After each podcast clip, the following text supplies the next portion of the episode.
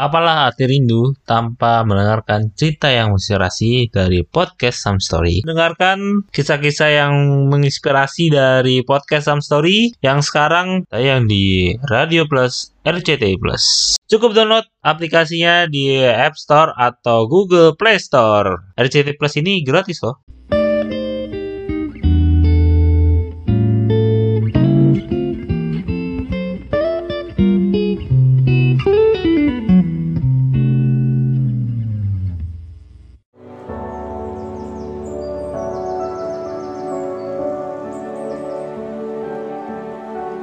Teman-teman semua, balik lagi di podcast Am Story, sebuah cerita inspirasi barengan gue Adam. Dan episode kali ini, ya biasanya gue ditemani oleh co-host gitu ya. Tapi kali ini gue gak ditemani oleh co-host karena kalau saya lagi beberapa yang sibuk jadi nggak bisa nemenin jadi nggak apa-apa. Gue akan nemenin kalian tetap seperti biasa dan di, di episode kali ini adalah spesial ya. Sumpah pemuda. Mungkin apa ya gue pribadi karena emang masih pemuda ya masih hidup tiga jadi gue pengen mempersembahkan juga sesuatu yang bisa membangkitkan semangat pemuda juga gitu ya. Di tengah mungkin sekarang pandemi ya mudah-mudahan sih cepet selesai sih pandemi udah hampir 2 tahun udah capek banget orang untuk yang pengen apa kayak mungkin jalan-jalan atau uh, bisa keluar lagi-lagi gitu dengan aman dengan gak perlu tes-tes segala macam gitu ya. Dan kali ini gue akan membahas soal sesuatu yang mungkin terjadi saat gue lahir gitu ya, sekitar tahun 98 gitu ya.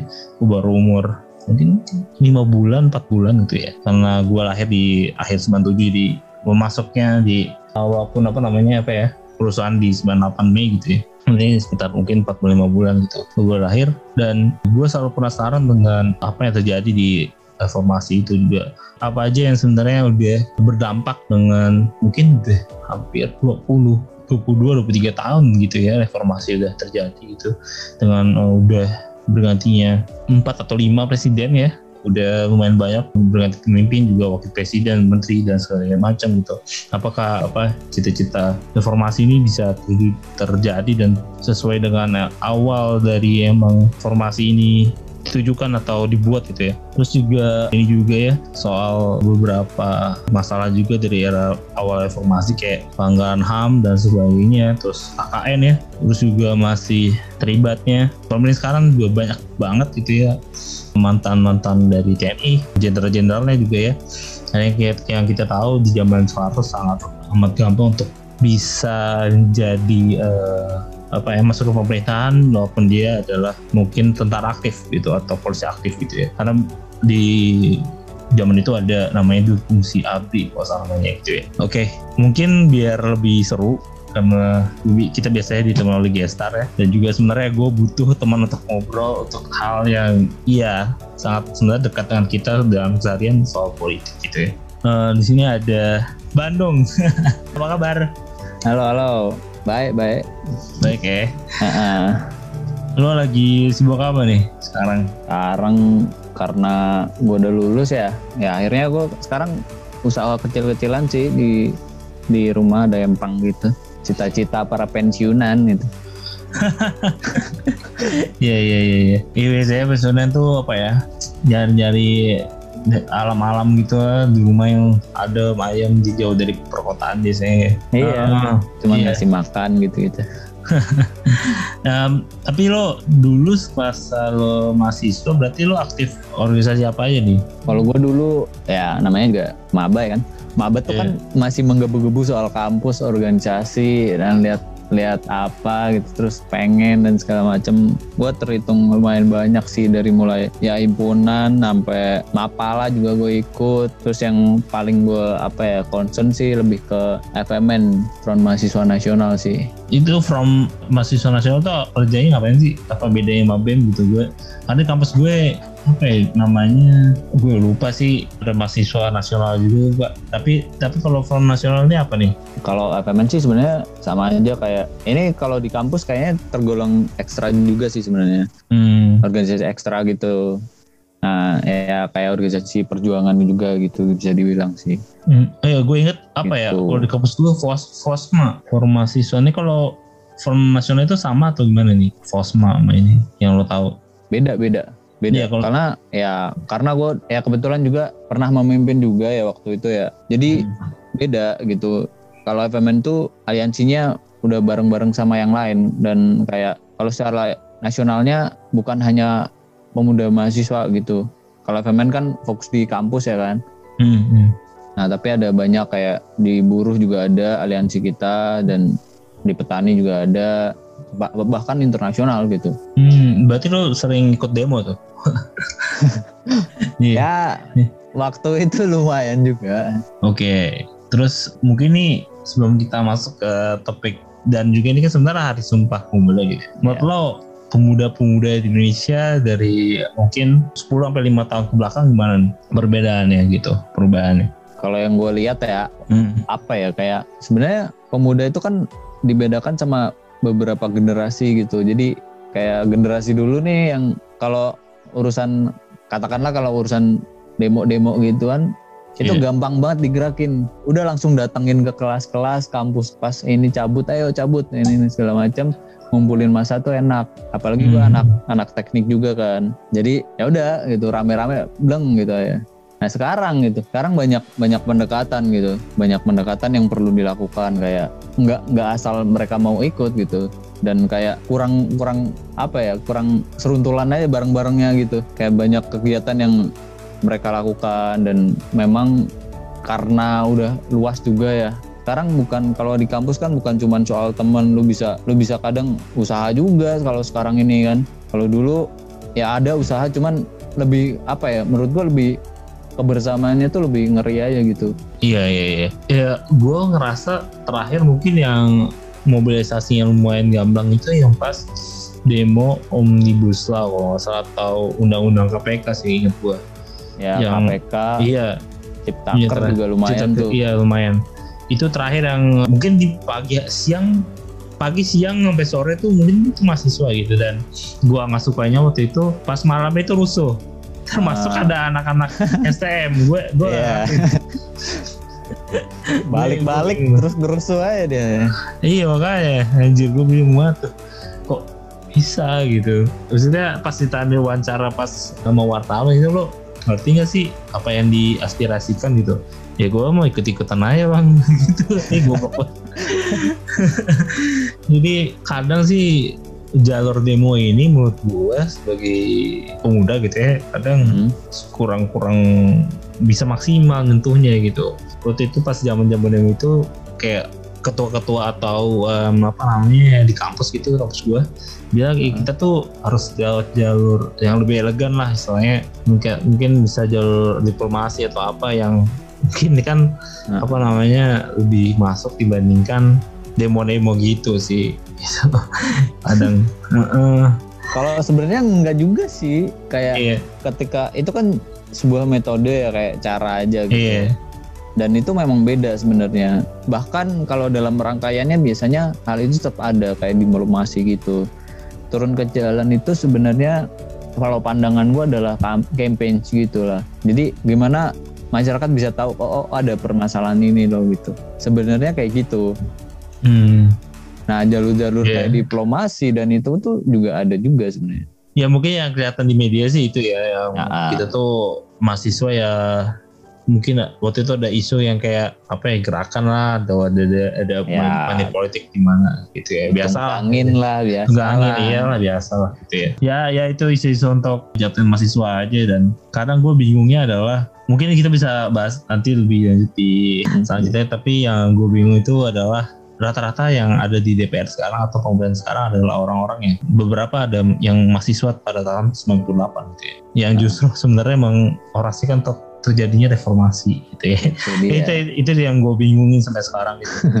Kenapa? Kali pas di switch gitu. Eh, keadaannya dia ada di pemerintahan yang dia memegang kekuasaan dia malah malah nggak sesuai Beda semua. gitu. iya beda gitu beda feelnya gitu. tapi sebelum lanjut ngomongin soal itu gue pengen nanya sama lo tuh menurut lo itu reformasi apa sih sebenarnya gitu Oh, Oke.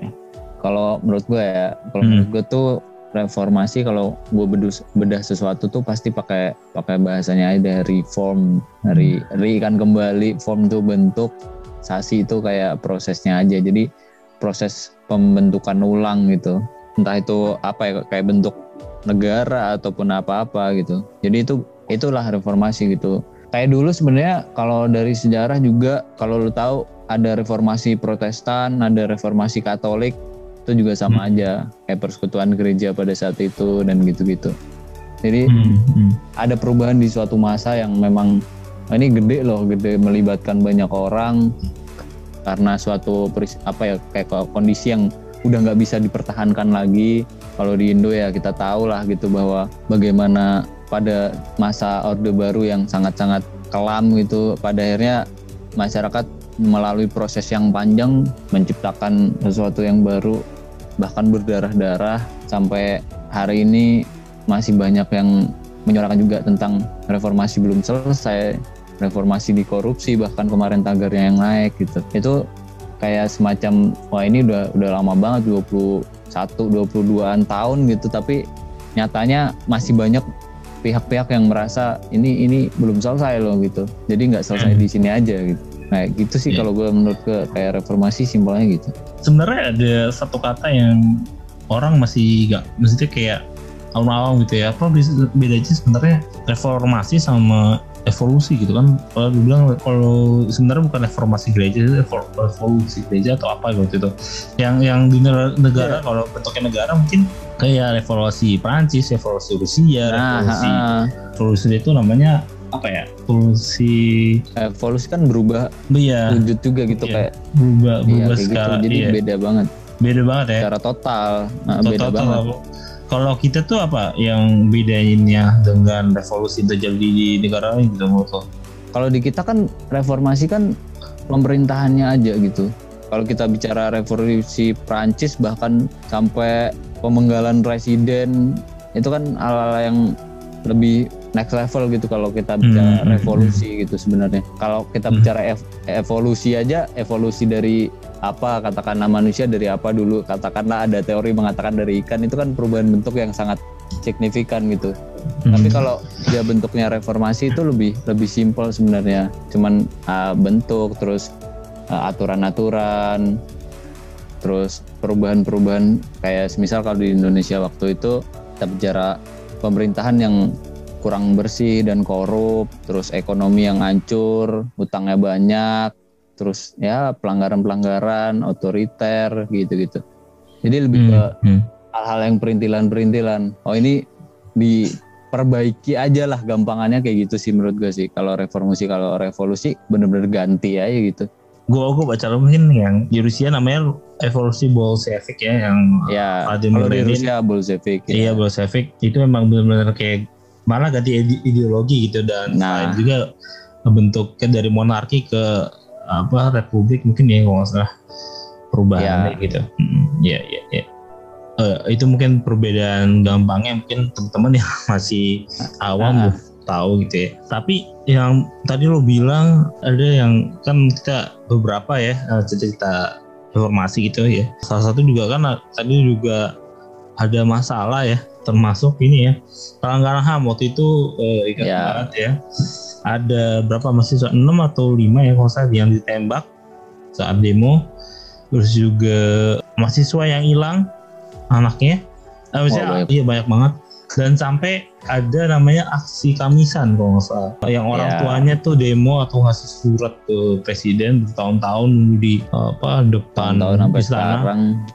belum ada ini ya apa namanya kejelasan untuk yeah. mereka gitu anak mereka di mana gitu Munir dan Munir segala uh, uh, itu itu termasuk ditukul Oh iya, itu juga mungkin belum kelar ya sampai sekarang gue juga uh. apa waktu itu masih SD kejadian 2004 dan apa ya sangat rapih banget sih itu untuk apa yang ngeracunin dan segala macam sih ya.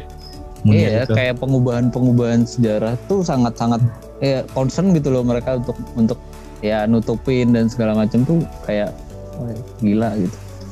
Padahal yeah. masyarakat juga ngerti gitu, tapi kayak negara dan dan orang-orangnya pemerintahan itu kayak kayak menutup mata aja gitu dengan iya, hal-hal yeah, itu.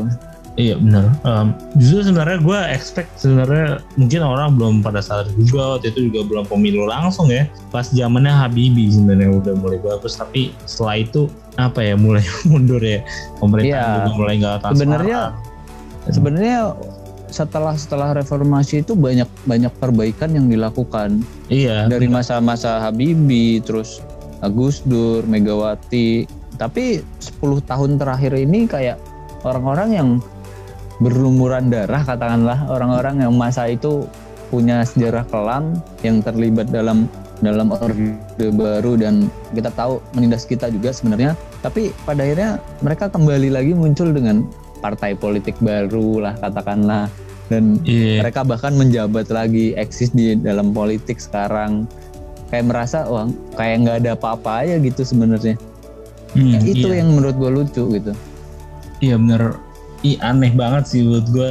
Ya walaupun sebenarnya di di pemerintahan sekarang Pak Jokowi apa ya lebih transparan. Cuman cuman di orang-orang di balik belakang itu loh di yang support dia banyak sekali mantan-mantan TNI gitu ya menurut gue ya. Kayak, wah gini mah.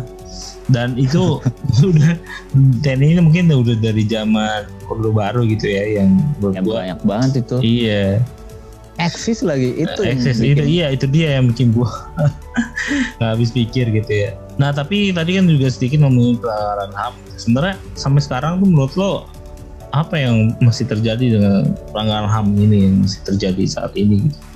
Iya. Kalau kalau dulu kan masa-masa reformasi dan sebelumnya atau pascanya itu kan masih banyak kekerasan gitu ya. Iya. Ketika kita aksi ataupun apa pun gitu. Bahkan dibilang Soeharto juga smiling jenderal gitu kan.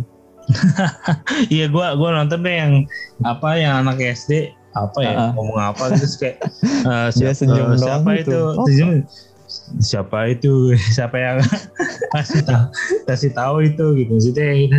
kayak cekam banget gitu Iya. iya iya Tapi Gitu. bedanya kalau sekarang-sekarang ini tuh banyak-banyak uh, pelanggaran-pelanggaran soal sara gitu. Hmm. Itu yang yang yang menunjukkan bahwa negara ini nggak bisa menyelesaikan kasus antar masyarakat gitu. Bahkan Iya. itu banyak banget gitu.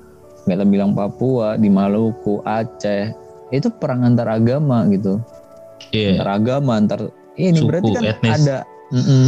itu buka- berarti kan ada masih ada problem gitu dan kayak nggak selesai-selesai aja pada akhirnya gitu. Kalau kita bicara agama kan harusnya oh ini langsung diprotein aja nih karena Kementerian Agama katakanlah ya iya tapi dan segala macam. iya gua ngerasa Menteri Agama dari zaman awal pemerintahan Jokowi itu gak ada yang apa ya nggak ada yang mencerminkan Menteri Agama Susah sih. susah Kalau gua gua mikirin Kementerian Agama tuh sebenarnya susah banget. susah banget ya Bayangin nyatuin lima dia tuh dia tuh punya apa ya urusannya kan sama Tuhan ya kalau Iya. ya. Kita mau nyelesain dengan dengan kepala manusia gitu. iya iya iya tapi Yang paling bisa dilakukan ya paling ya itu itu aja gitu kayak iya ya toleransi gitu-gitu aja sebenarnya. Iya. Eh apa ya? Ya itu dia yang masalah toleransi gue ya yang sering diangkat apa ya to, to- apa? teroris gitu ya biasanya Hmm. apa itu gitu loh. Em, ada beberapa sistem yang menurut gue itu juga ya selalu di sensitif dan diperdebatkan tentang khilafah gitu ya. Ya Itu kayak waktu takut itu banget gitu. Ahmadiyah, Ahmad iya iya. Nah. Eh, ATI gitu-gitu ATI lah. iya sebenarnya be- beberapa menurut gua kayak eh i- apa ya takut pemerintah takut kalau it happen kalau misalkan eh, ada orang-orang yang pengen ganti sistem negaranya gitu maksudnya Nah, yang, eh, jadi kan sebenarnya karena perdebatannya eh ya ini kan gua muslim maksudnya eh, bukan berarti misalnya kayak oh ya ini opini gua aja sih. Kayak gua ngerasa ya semestinya sih pemerintah kalau sering banget takut itu yang sensitifnya itu yang masalah sistem negara itu. Karena zaman dari yang udah-udah kan karena ada beberapa pemberontakan juga ya. Ya. Yang pengen Indonesia menjadi negara muslim ini Islam gitu misalkan kayak gitu ya. Ah, tapi kan ya. sebenarnya hal-hal kayak gitu bisa banget diantisipasi gitu kayak adanya Intel buat apa sih gitu. Mm-mm. Nah, iya iya iya kalau kalau gue nggak sepakatnya sama ini nih di di tuh? kampus ada Permendikti nomor 55 tahun 18 kalau nggak salah kita suruh suruh ngawal ideologi bangsa gitu dan Hmm. itu di ditaruh ke eh, istilahkan kampus gitu orang-orang ekstra katakanlah mereka punya ideologi masing-masing tapi tetap kita kan berbicara ideologi kita adalah adalah Pancasila ya kan Hmm, iya. Nah, tapi di situ pengawalannya itu semacam dipaksakan, bahkan ada bela negara. Kalau lu tahu sekarang di kampus gua dulu itu mosnya, mos sih apa sih? Orientasi. Lupa gua. Ah, ah, orientasinya. Kalau di kampus apa lupa gua? Ya ospek. Oh, ya ospek. ospek. Iya, ospek. Ospeknya itu ke barak dia, ngikut ngikut TNI, Waduh. makan kerupuk gitu kan.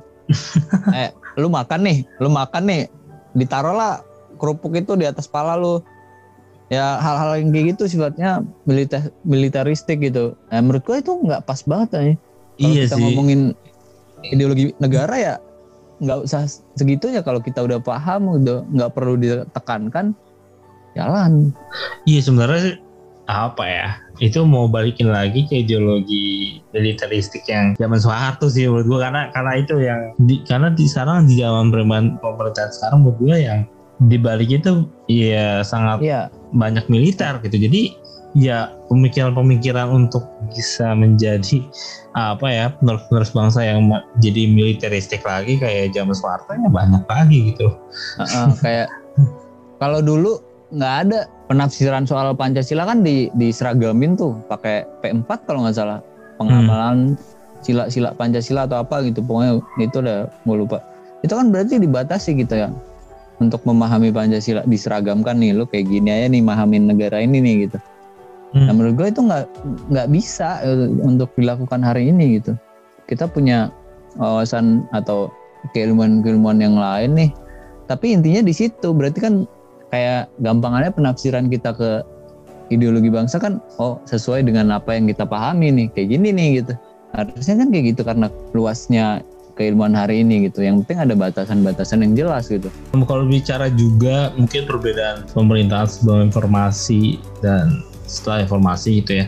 Mungkin di zaman Orde Baru ya orang yang kita tahu juga faktanya emang terjadi ada adanya KKN gitu ya.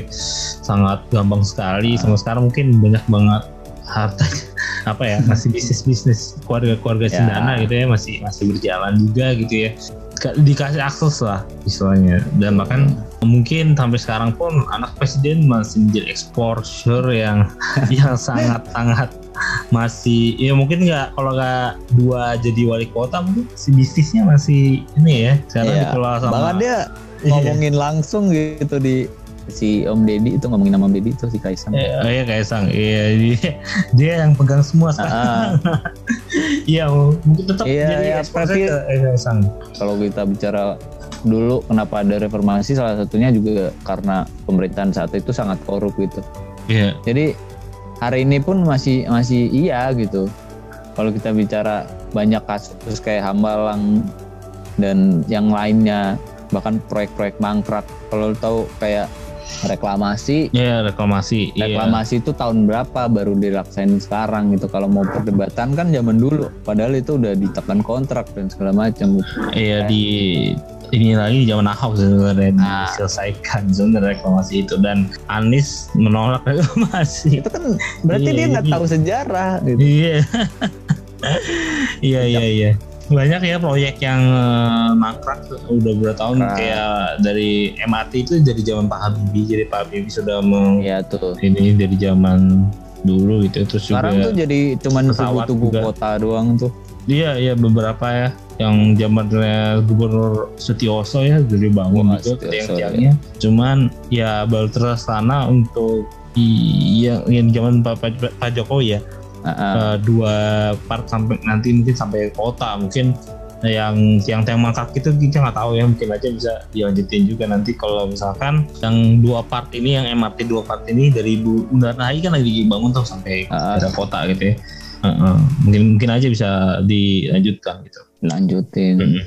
banyak proyek-proyek yang memang Pak Jokowi Pak Jokowi kan pemerintahannya dari awal untuk membangun ya Iya. membangun infrastruktur Dia memang terus infrastruktur sebenarnya itu kan banyak sekali proyek-proyeknya SBY yang dilanjutin gitu. Iya, justru gue bingung kenapa di pemerintah SBY dulu ya selama 10 tahun pembangunannya sangat-sangat sedikit sekali. Oh, lambat. Ya, lambat banget itu. Hmm, Sekarang ada lambat. lintas Sumatera juga zamannya ini. Eh, jam Pak Jokowi. Semuanya Trans Kalimantan, Trans Papua, Trans Ah, Jawa, masa Sumatera itu zaman Pak Jokowi semua. Udah bertahun-tahun gitu tam- sampai kita pun sekarang mungkin 6 ribu triliun atau berapa triliun ya berapa ribu udah sudah utang utang negara kita. sampai bingung tuh ngitung ngitung nolnya ya kan. Ya, Iya, bingung bayarnya sih. Sebenarnya bisa, sebenarnya kita tuh rakyat banyak ya, buat semua juta Banyak. ya. Mungkin yang miskin cuma berapa persen lah istilahnya.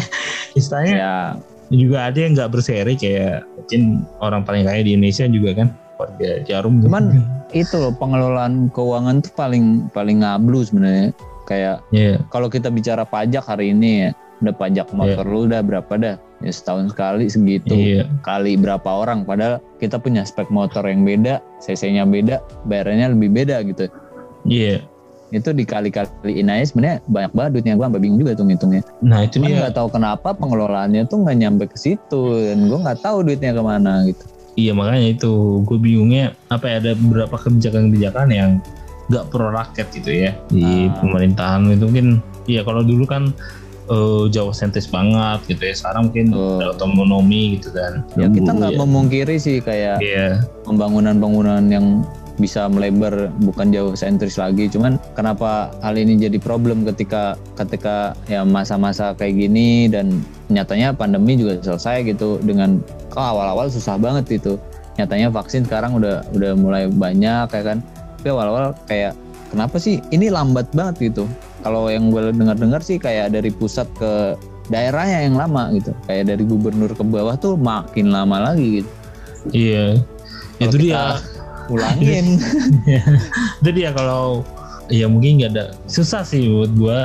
Ya gua nggak ngerti bisa nggak sih politik tanpa tanpa partai politik yang penuh kepentingan gitu ya tapi tanpa partai politik pun banyak banget kepentingan pribadi di dalamnya gitu. Dan yang harus dipisahkan di pemerintahan sekarang adalah ego ego pribadi gitu loh sih sebenarnya pribadi sama kelompok sebenarnya. sama kelompok itu dia iya Kalau gue gini sih, kalau masalah itu, kalau lu tadi bilang bahwa kenapa partai politik politik nggak bisa ada parpol gitu ya nggak bisa juga sebenarnya. iya Kalau kita bedahnya gini kayak sebenarnya tugas parpol itu apa sih gitu? Yang Mm-mm. yang sedikit gue ketahui adalah tugas parpol itu kayak dia memberikan edukasi politik terhadap warga negara. Nah dari situ itu bukan hanya kelompok dia, oke kelompok dia, cuman dia punya kewajiban untuk mendidik kadernya katakanlah dengan politiknya masing-masing gitu. Dan itu oke. Cuman ketika lu balik atau menjabat katakanlah jadi DPR atau apa gitu, partai lu cuman ada di otak lu aja gitu, bukan buat dasar berpikir aja. Dan ketika lu di kayak katakanlah komisi berapa lu rembukan masalah ini ya yang nggak peduli dia partai A partai B fraksi A fraksi B lu di situ sebagai representatif dari masyarakat gitu. Itu yang gua nggak nemu sampai sekarang. Jadi dia membawa kepentingan yang mengusungnya gitu katakanlah iya. untuk ini gitu. Sedangkan sebenarnya fungsi partai kalau zaman Soekarno dulu kalau dia ngobrol kayak kita gini mungkin gue bisa jadi apa nih gitu kayak temen-temennya gitu untuk membantu negara ini ya udah bikin parpol aja. Nah eh, di situlah lu berlomba-lomba untuk istilahkan ini orang-orang masyarakat yang banyak pengen mengisi pemerintahan pada saat itu ya ya di situlah lu berlomba untuk oh ini layak dikatakan sebagai orang-orang yang mampu mengisi atau merepresentatifkan dari masyarakat gitu. Sebenarnya Iya, kan iya, itu. iya, iya, bener.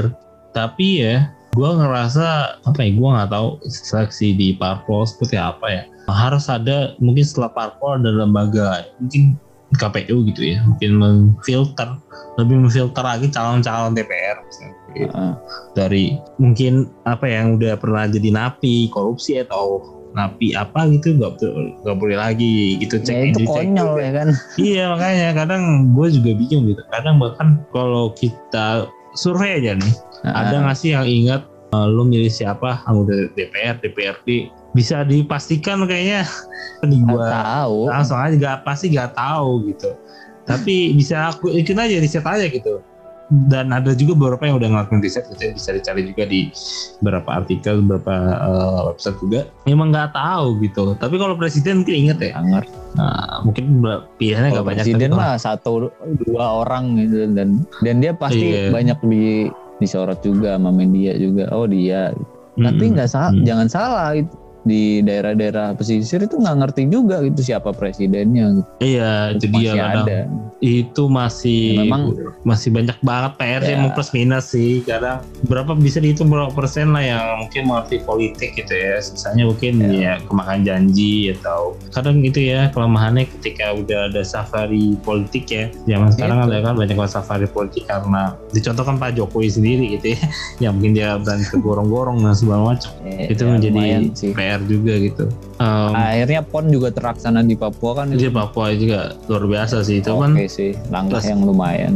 angka itu yang harus dijaga sih karena sisa-sisa ASEAN Games juga beberapa ya. Kontrak ada beberapa. Jadi jangan sampai ya di negara lain juga. Kemarin di Olimpiade beberapa Olimpiade contohnya di Olimpiade Athena ada yang venue-nya udah udah mangkrak gitu nggak dipakai lagi gitu. Itu. yang terbengkalai. Jadi harus dijaga banget terutama Papua kan aset lah istilahnya kan di pembangunan butuh Aset Terus banget dibangun, itu. nggak bisa ditinggalkan tapi kalau kayak gitu kan jangan jangan kayak gitu sih paradigma sih kayak Iya. kalau kita bicara aset kan berarti wah, mereka pantas untuk dieksploitasi kekayaannya gitu kan Iya. jadi lebih ke ya udah memang mereka bagian dari kita gitu ya rangkul aja se- sewajarnya dan seharusnya kayak Iya. apa yang kita rasakan di Jawa gitu sebenarnya kayak gitu sih Iya benar banget sih harus ya PR ada pemerataan pembangunan lagi sekali lagi gitu ya. Selain pemerataan pembangunan, PR adalah yang kedua pemerataan literasi.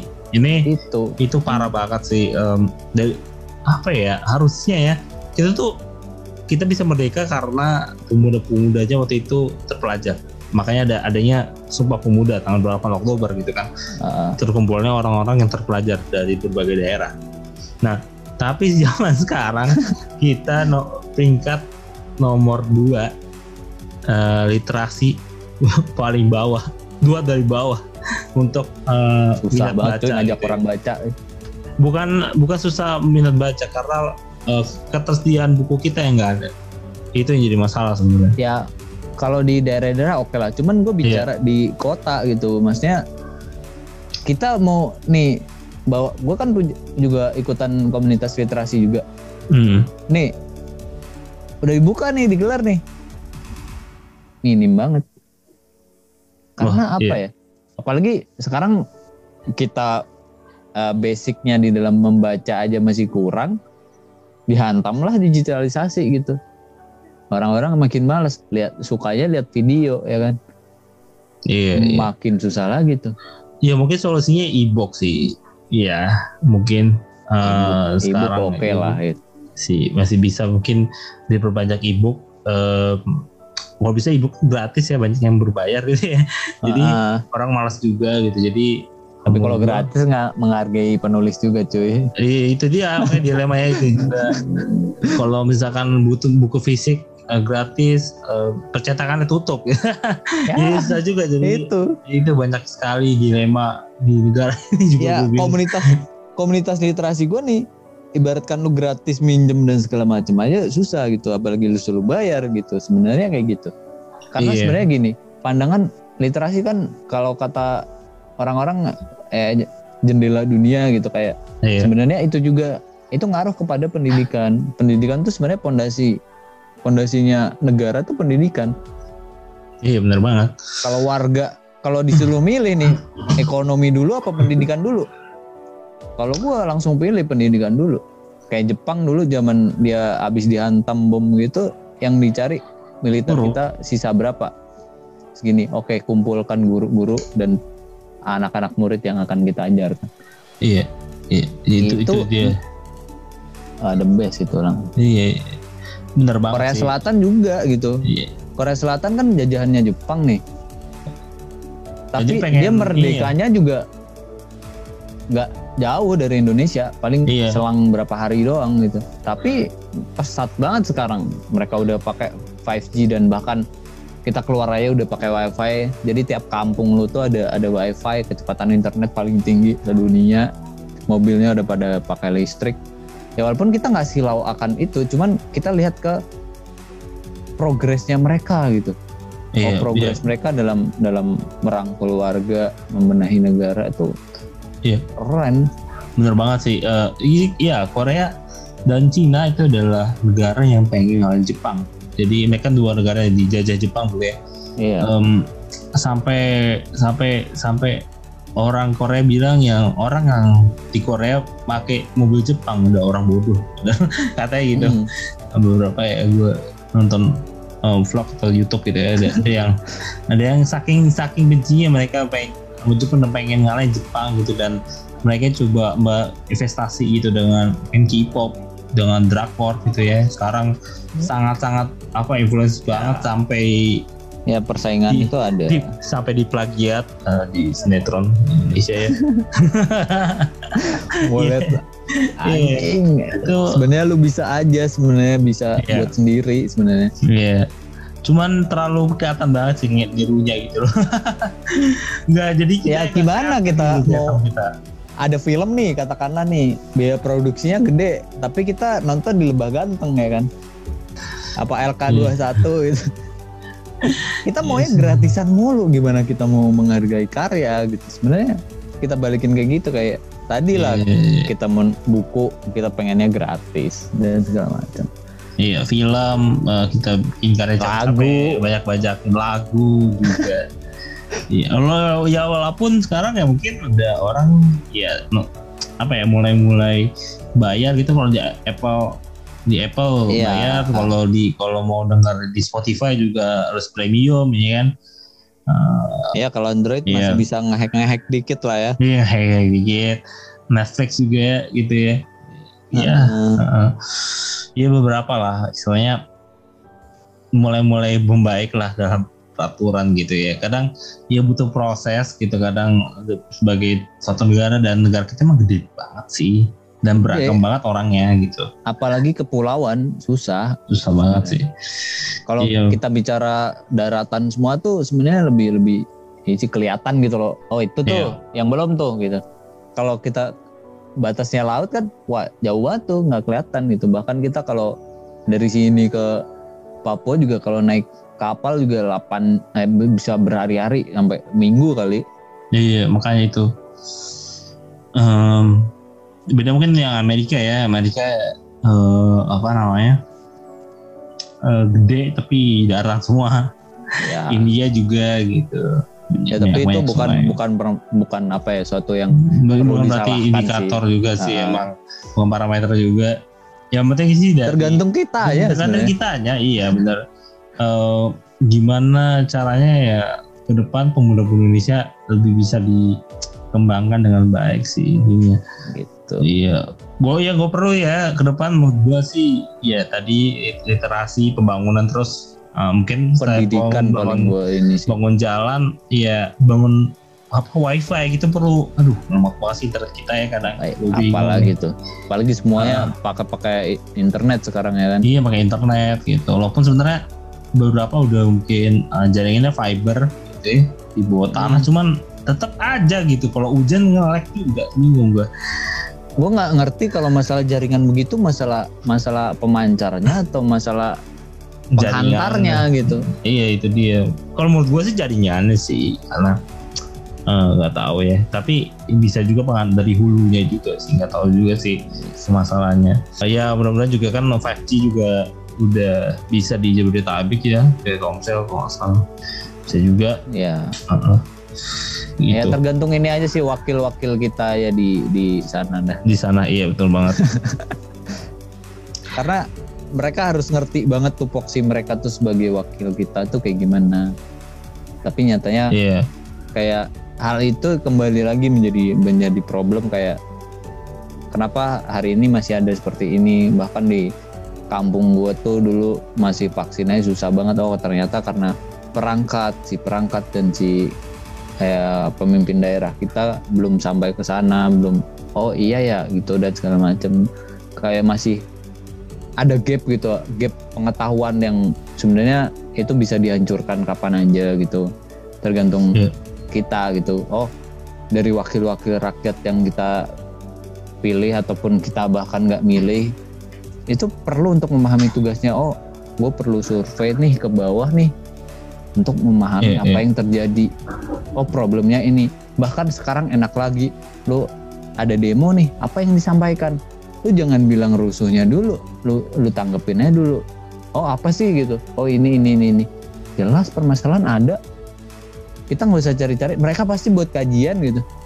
Mereka buat kajian ya dengan keterbatasan kemampuan kita sebagai mahasiswa yang kalau mereka bilang belum matang tapi kita punya punya hasil pemikiran yang disampaikan kalian enak sebenarnya tinggal ya ini di di evaluasi di ini oh ini ini ini gitu doang sebenarnya susah banget kayak gitu aja Ini mungkin terakhir ya. Lo ada pesan nggak maksudnya kayak untuk ke depannya eh, menanggapi kayak kondisi reformasi ini agar agar bisa lebih baik. Terus juga yang kedua pesan mungkin untuk anak-anak muda yang pengen ke depannya akan masuk politik dan sebenarnya banyak ya anak-anak muda di politik sekarang mungkin milenial milenial banyak gitu ya. Termasuk menteri kita juga ada yang muda gitu ya, mas menteri pendidikan gitu ya Pak Nadiem terus juga ya. Eh, status status milenial juga ada. Terus juga di beberapa partai juga ada yang muda-muda kayak PSI termasuk juga ada yang menggaungkan untuk menjadi apa capres di 2024 nah, gue juga Ya. bingung. Ntar lo minta gue juga minta pendapat tuh terakhir kenapa sering banget ya ngomongin capres di jauh-jauh hari gitu menurut gue kayak ini tuh masih 2021 gitu. Masih lama banget tahun mau ngomongin tahun depan juga masih 2022 gitu masih ya berapa tahun jauh lah lagi ya. gitu, masih jauh banget gitu udah ada ngomongin pilpres dan ada yang udah mau siap dari nyalek gitu. Gue bingung banget gitu ya Oke kalau Ya. kalau masalah itu ya kayak kenapa sih itu jauh-jauh banget gitu? Ya itu sebuah panggung yang dia nanti gitu kayak dalam dalam skema politik praktis hari ini ya mereka prepare siapa nih gitu siapa oke akhirnya di situ. Dan itu di prepare kalau di kita kan jauh jauh supaya apa? Oh kita menyiapkannya dengan oh biar dia beneran jadi nih. Padanya ada pergulakan itu dibahas kita hanya sibuk dengan dengan pergantian itu gitu. Sedangkan sebenarnya yang perlu kita repotin atau kerjain secara secara capek banget dan kerja keras banget penuh itu perlu banget untuk mempersiapkan sebenarnya apa aja yang masih perlu dievaluasi di dalam negara ini keberjalanan pemimpin sebelumnya oh apa aspeknya kita bedah secara pendidikan, ekonomi, kesehatan segala macam kita bedah apa aja yang masih kurang. Dan jangan lupa orang-orang yang memang pengen atau hadir di sana ya aku nggak menyalahkan itu. Cuman gue akan selalu menjadi ada loh masyarakat dan gua gitu. Bahkan itu menjadi check in balance kalian. Kita antara masyarakat dan pemimpin itu saling mengingatkan. Jangan lupakan tentang sejarah dulu masyarakat berdarah-darah diterpa peluru bukan bukan pada saat kemerdekaan tapi pada saat mempertahankan bangsa ini. Dan banyak juga akhirnya mereka terpecah belah gitu. Masyarakat terpecah belah dengan mereka yang gigih untuk membela hak mereka hak segala konstitusi dan negara bahkan bangsa ini. Ada yang menjadi korban dan udah capek. Dan ada yang telah bahkan meninggal dan atau keluarga-keluarga yang bilang capek itu udah dijam itu yang perlu kita coba selesaikan. Dan ya jangan lupakan apa yang jadi cita-cita kita gitu. Jangan pikirkan tentang pemerintahan. Sekarang kalau kita di ngomong kritik pemerintah bukan berarti kita membenci gitu.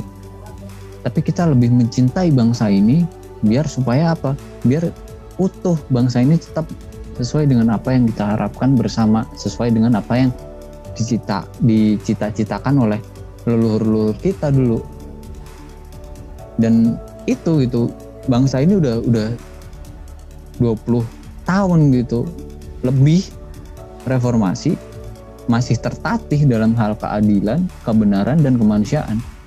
Ini kita harus bareng-bareng, bukan hanya pemerintahan, tapi masyarakat.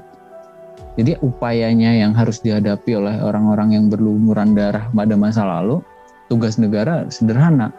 ya harus berani dan bekerja mengembalikan hak warga dan menjamin perlindungan akan haknya mereka. Menurut gue itu sih. Jadi ya jangan skeptis memandang sesuatu aja. Kita sama-sama mewujudkan apa yang terbaik untuk bangsa ini, bukan untuk pemerintah. Karena pemerintah berisi orang-orang, kalau bangsa berisi masyarakat dan negara ini. Gitu aja kalau dari gue. Oke, okay, thank you banget Bandung ya. Yeah. Udah mau isi di putusan story sangat luar banget tadi sharingnya kita ngobrol uh, seru banget semoga bisa apa yang bermanfaat dan menginspirasi generasi muda kalau ingat apa ya, amin, amin. jangan mereka yang dulu dari dulu dari awal mungkin dari awal uh, sebelum kita merdeka sampai kita merdeka masih berjuang untuk bangsa dan negara gitu ya. Mungkin kalau misalkan ada teman-teman yang pengen kegiatan lo nih bisa di mana nih? Dan juga mungkin ada hal yang bisa lo promosikan mungkin. Bisa juga nih. Ya gitu. Kalau kalau dari pendidikan nih ya dan apa ya yang gue gelutin sekarang kan sebenarnya lebih ke concernnya adalah pendidikan bagaimana pendidikan kita menjadi ilmiah demokratis dan bisa mengabdi kepada masyarakat. Dan teman-teman bisa sangat berkarya di mana pun di organisasi apa pun yang kesadaran kita harus kita pupuk dari dari dalam diri dengan nonton atau mendengarkan video. Bahkan kita mendengarkan video ini mungkin kita bisa untuk memupuk kesadaran itu menebarkan akhirnya terorganisir dan kita saling berjuang bersama. Dan kegiatan gue gue masih dalam organisasi FMN Front Mahasiswa Nasional jadi teman-teman bisa bisa di mana pun bisa kita saling berserikat dan berjuang bersama. Karena perjuangan itu adalah karya berjuta-juta masa. Bukan gua ataupun kelompok gua bahkan FMN atau siapa pun tapi kita semua. Instagramnya apa tuh? Lo personal dan FMN mungkin? Kalau gua personal Bandung underscore SA kalau FMN FMN Undip atau FMN nasional juga ada cuman karena gue kuliah di Undip waktu itu ya main Undip saya udah udah kelihatan di situ. Kalau ada temen-temen juga yang ingin juga sama atau ada ide untuk konten podcast some story selanjutnya hit us up on Instagram at podcast underscore some story dan juga bisa lewat email kita di podcast some story at gmail.com dan thank you buat teman-teman yang udah menonton podcast some story uh, spesial hari Sumpah Pemuda bersama Bandung and see you on the next episode. Dadah